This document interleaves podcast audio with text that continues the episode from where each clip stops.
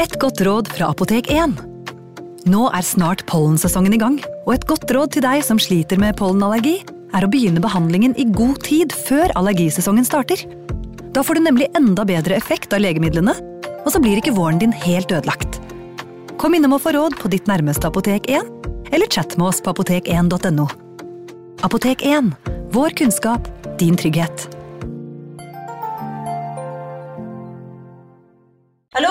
Jeg kommer fra Oslo politikammer. Ine Jansen er purk. Er du purk? The motherfucking bitch. Alt jeg vil, er å finne ut hva som skjedde med mannen min. Jon Carew. Er jeg sikta for noe? Iben Akeli. Det er du. Ole So, Lars Berrum og Big Daddy Karsten. Hvem sin side er du på, egentlig? Anette Hoff, Tone Danielsen, Kommer du fra Afrika? Jørnis Josef, Nesten. Kløfta. Trond Espen Seim, Det er synd å si det, men det var feil mann som døde. Purk. Premiere tirsdag på TV2 Play. Advarsel. I denne podkasten vil du høre historier basert på informasjon programlederne har funnet selv. Programlederne står ikke nødvendigvis inne for meninger og syn som fremstilles. Noen påstander kan avvike fra virkeligheten.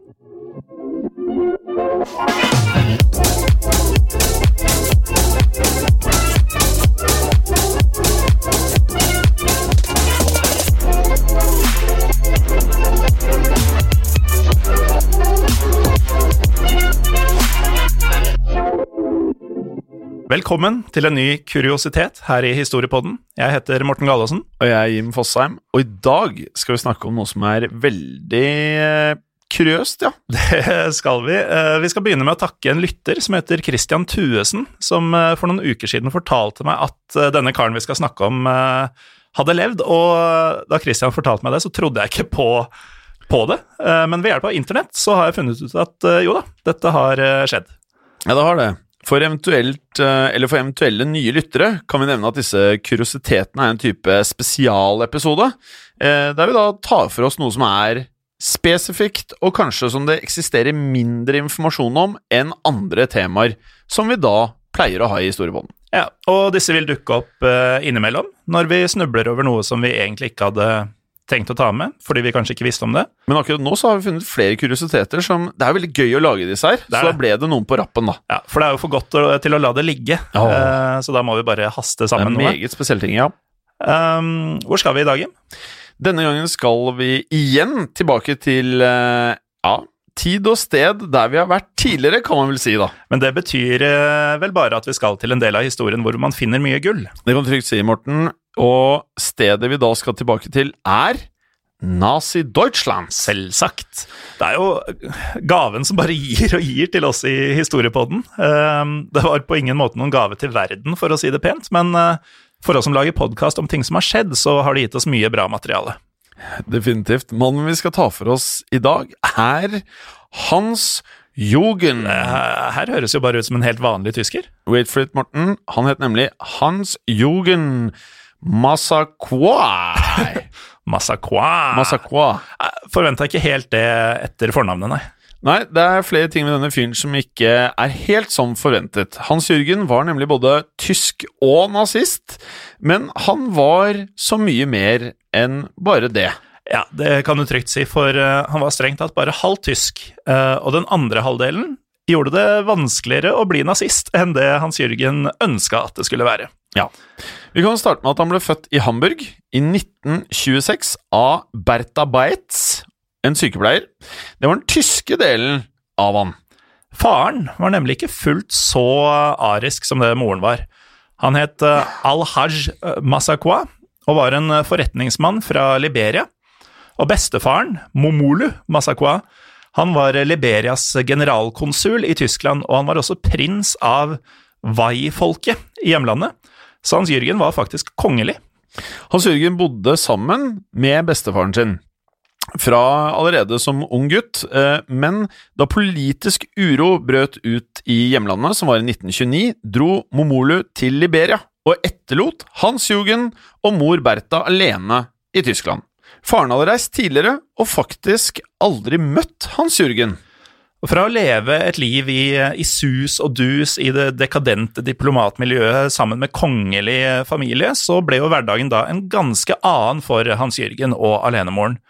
De raste rett og slett ned noen klasser. Barndommen var eh, en forvirret tid eh, for Hans Jørgen.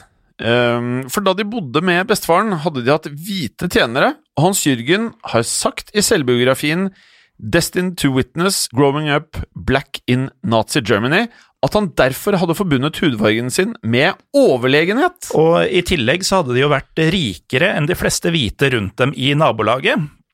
Eh, Denne overlegenheten fikk seg imidlertid en, en støkk eh, en gang han og moren var i Hagenbecks Tierpark, en eh, dyrepark utenfor eh, Hamburg, for der fikk han nemlig se mørke mennesker på utstilling. Hæ? Ja, utstilling. Altså, på denne tiden, eh, vi er nå på 30-tallet, eh, på denne tiden i enkelte deler av Europa, så var det ikke helt uvanlig å stille ut mennesker fra andre verdensdeler. Er ikke det sjukt? Det er galskap. Det er i beste fall ubehagelig å tenke på, da. Hans Jørgen følte ikke helt at disse menneskene på utstilling lignet spesielt på han selv, da. For disse gikk jo barbeint og med fillete klær, i motsetning til de kongelige liberianerne som han hadde vokst opp med.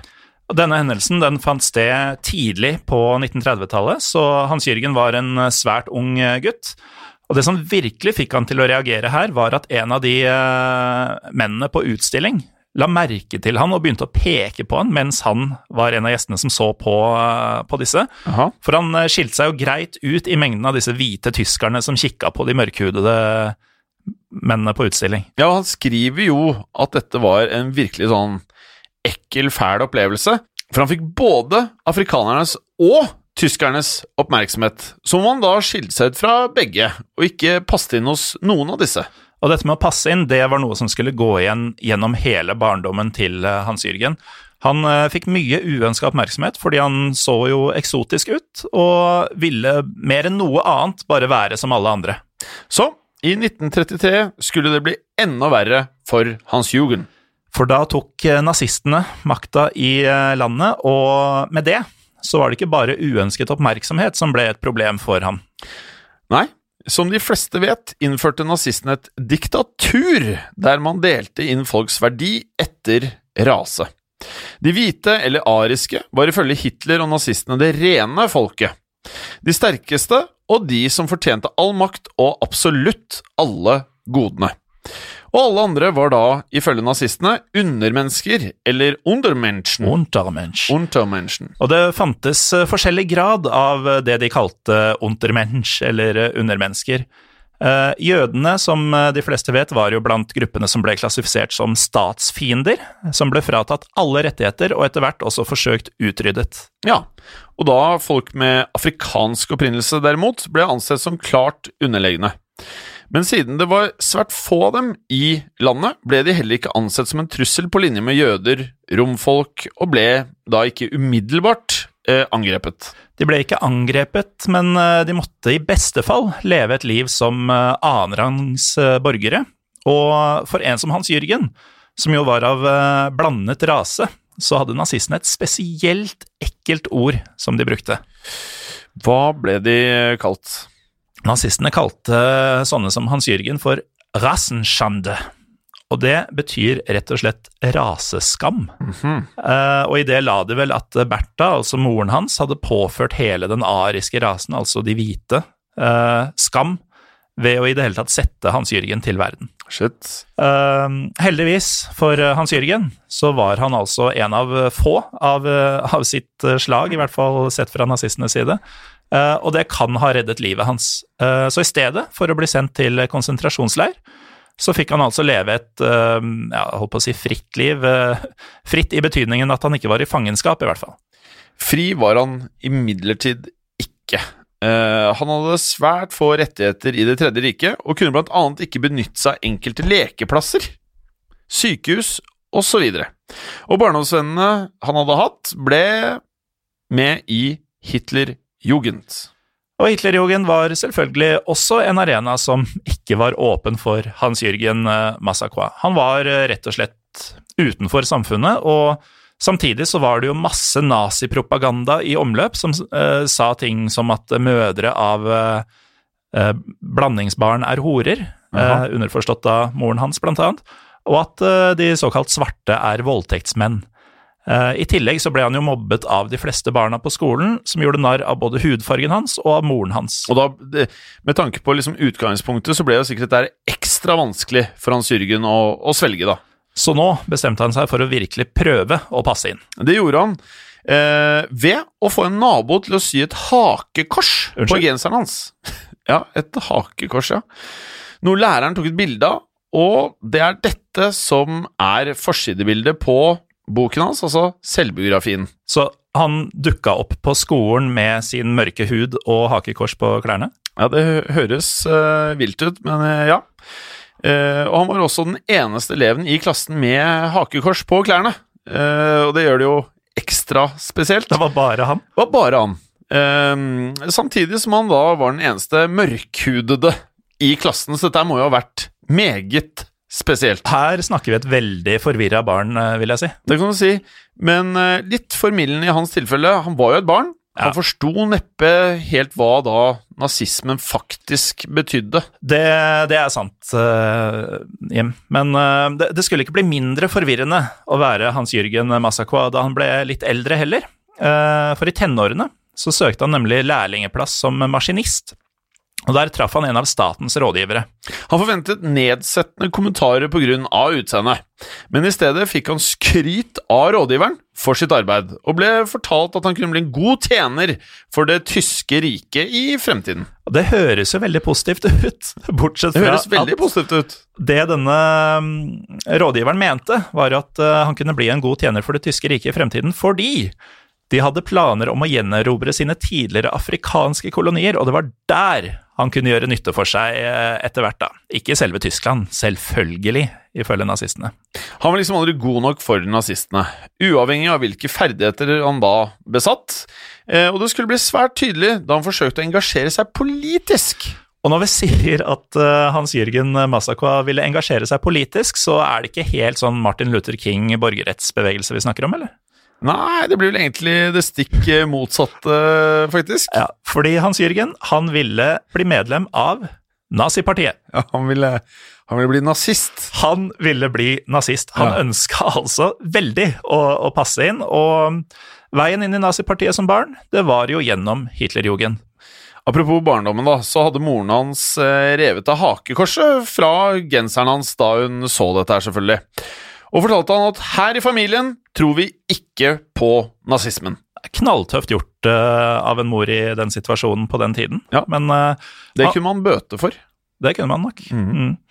Hans Jørgens eh, ungdomsopprør det ble jo da litt uvanlig. Han gikk jo da imot moren og, og ville fryktelig gjerne bli med i Hitlerjugend. Og det er jo egentlig ikke så rart, for eh, i et diktatur er det jo de som styrer landet, som bestemmer hva barna skal bli fortalt, og hva de skal lære seg. Ja, for på skolen ble det fortalt at Hitler han var en helt som hadde reddet landet fra både fattigdom, og også da var mannen som skulle føre dem til storhet. Så det er god, gammel hjernevask. eh, Ja, indoktrinering, hjernevask eh, Ting tyskerne var gode på på Ja, de var tiden. veldig gode på det. Propaganda vil jo Mm. noen også slenge inn her. Absolutt.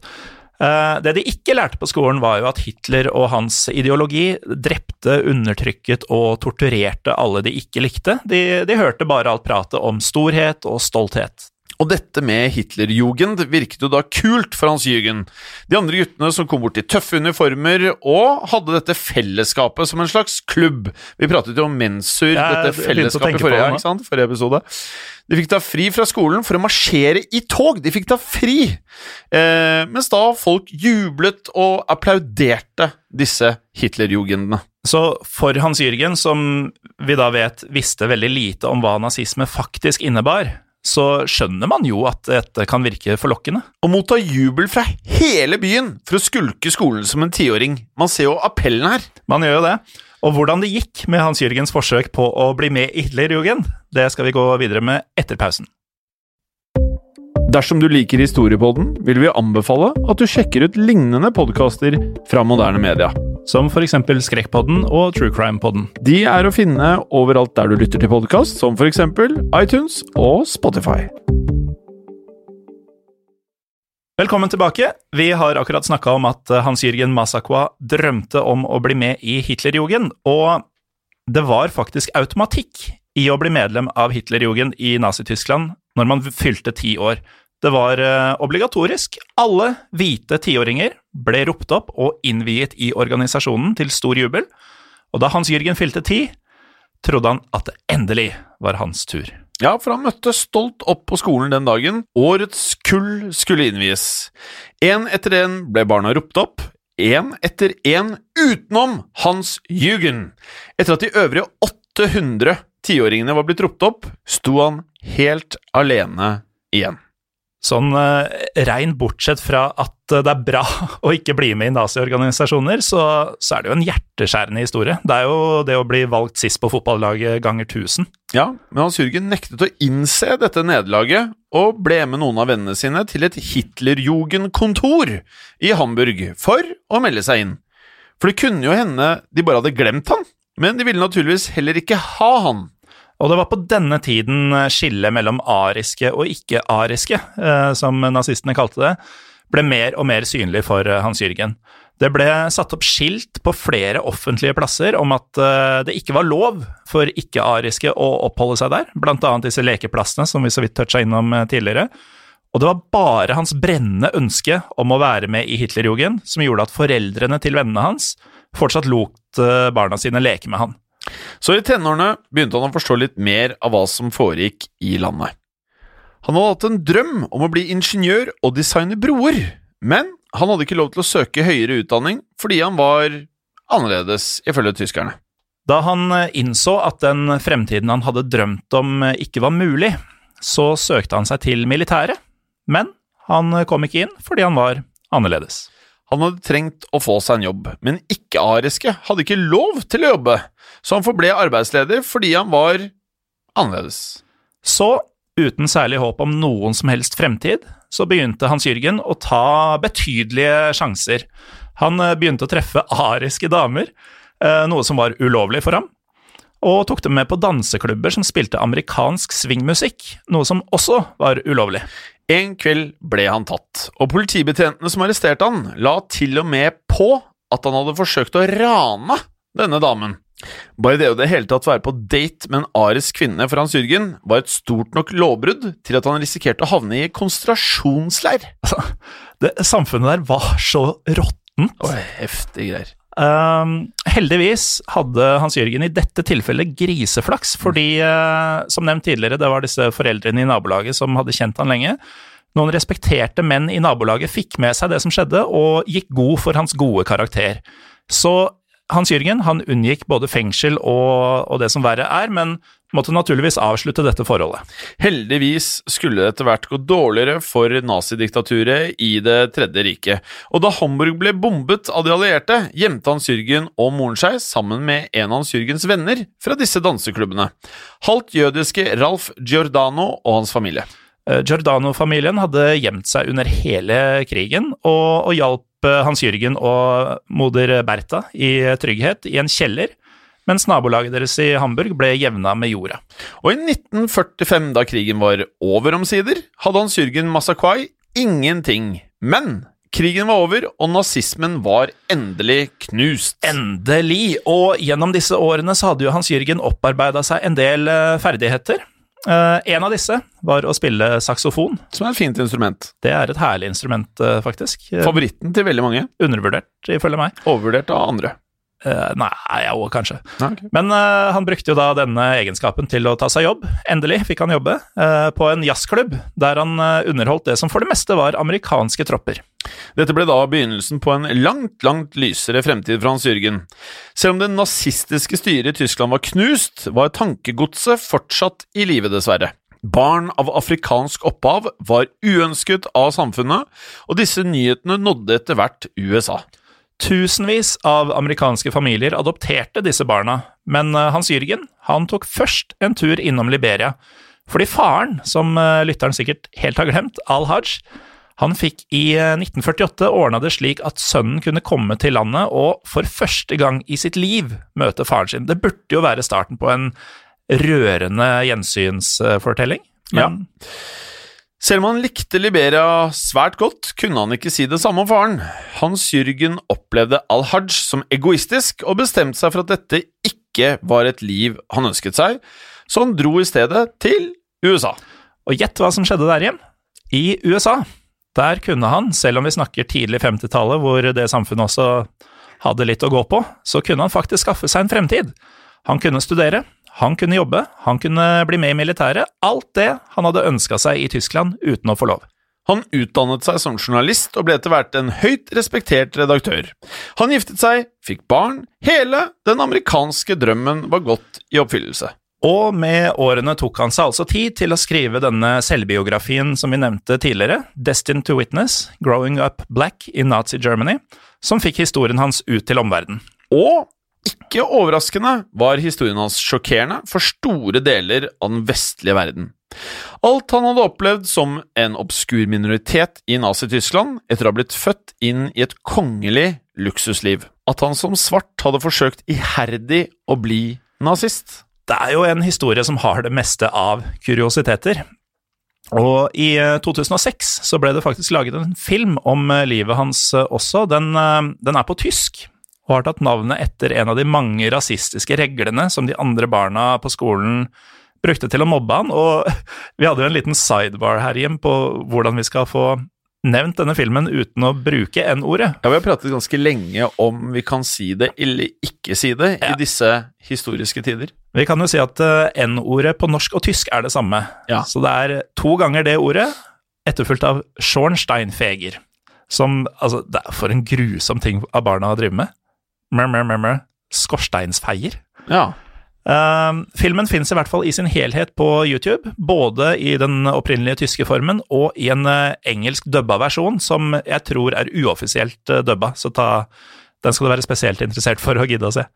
Hans-Jørgen Masakai overlevde nazismen, han overlevde amerikansk 50-tallsrasisme, og levde til slutt et langt og godt liv. Han døde i 2013, faktisk på sin egen 87-årsdag.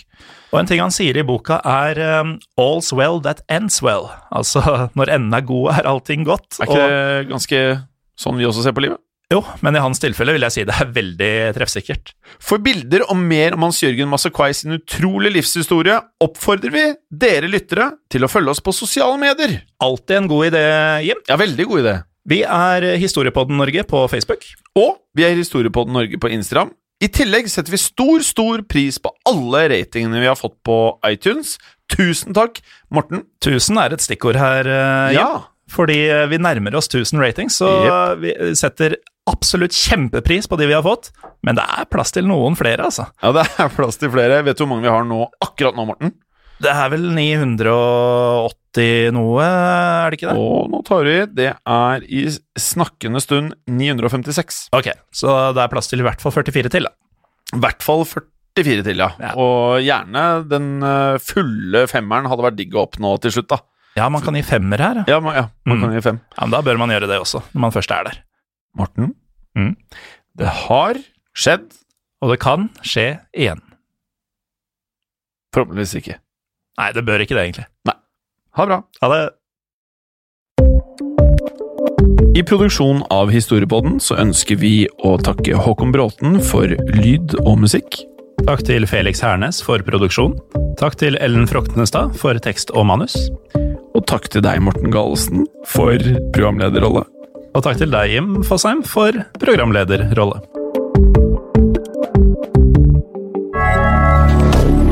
Moderne media. Har du et enkeltpersonforetak eller en liten bedrift? Da er du sikkert lei av å høre meg snakke om hvor enkelt det er med kvitteringer og bilag i fiken, så vi eh, gir oss her, vi. Fordi vi liker enkelt. Fiken superenkelt regnskap. Hei, og takk for at du lytter til Historiepodden. Skulle du ønske at du kunne høre en ny episode av Historiepodden hver eneste uke? Vel, da er det én ting å gjøre. Da kan du laste ned podkastappen Untold med det samme. For i tillegg til ukentlige episoder av podkaster som Historiepodden andre verdenskrig, Henrettelsespodden og også Gangsterpodden, så får du masse annet reklamefritt og også eksklusivt innhold. Last ned Untold i AppStore eller Google Play og start din 30 dagers gratis prøveperiode allerede i dag.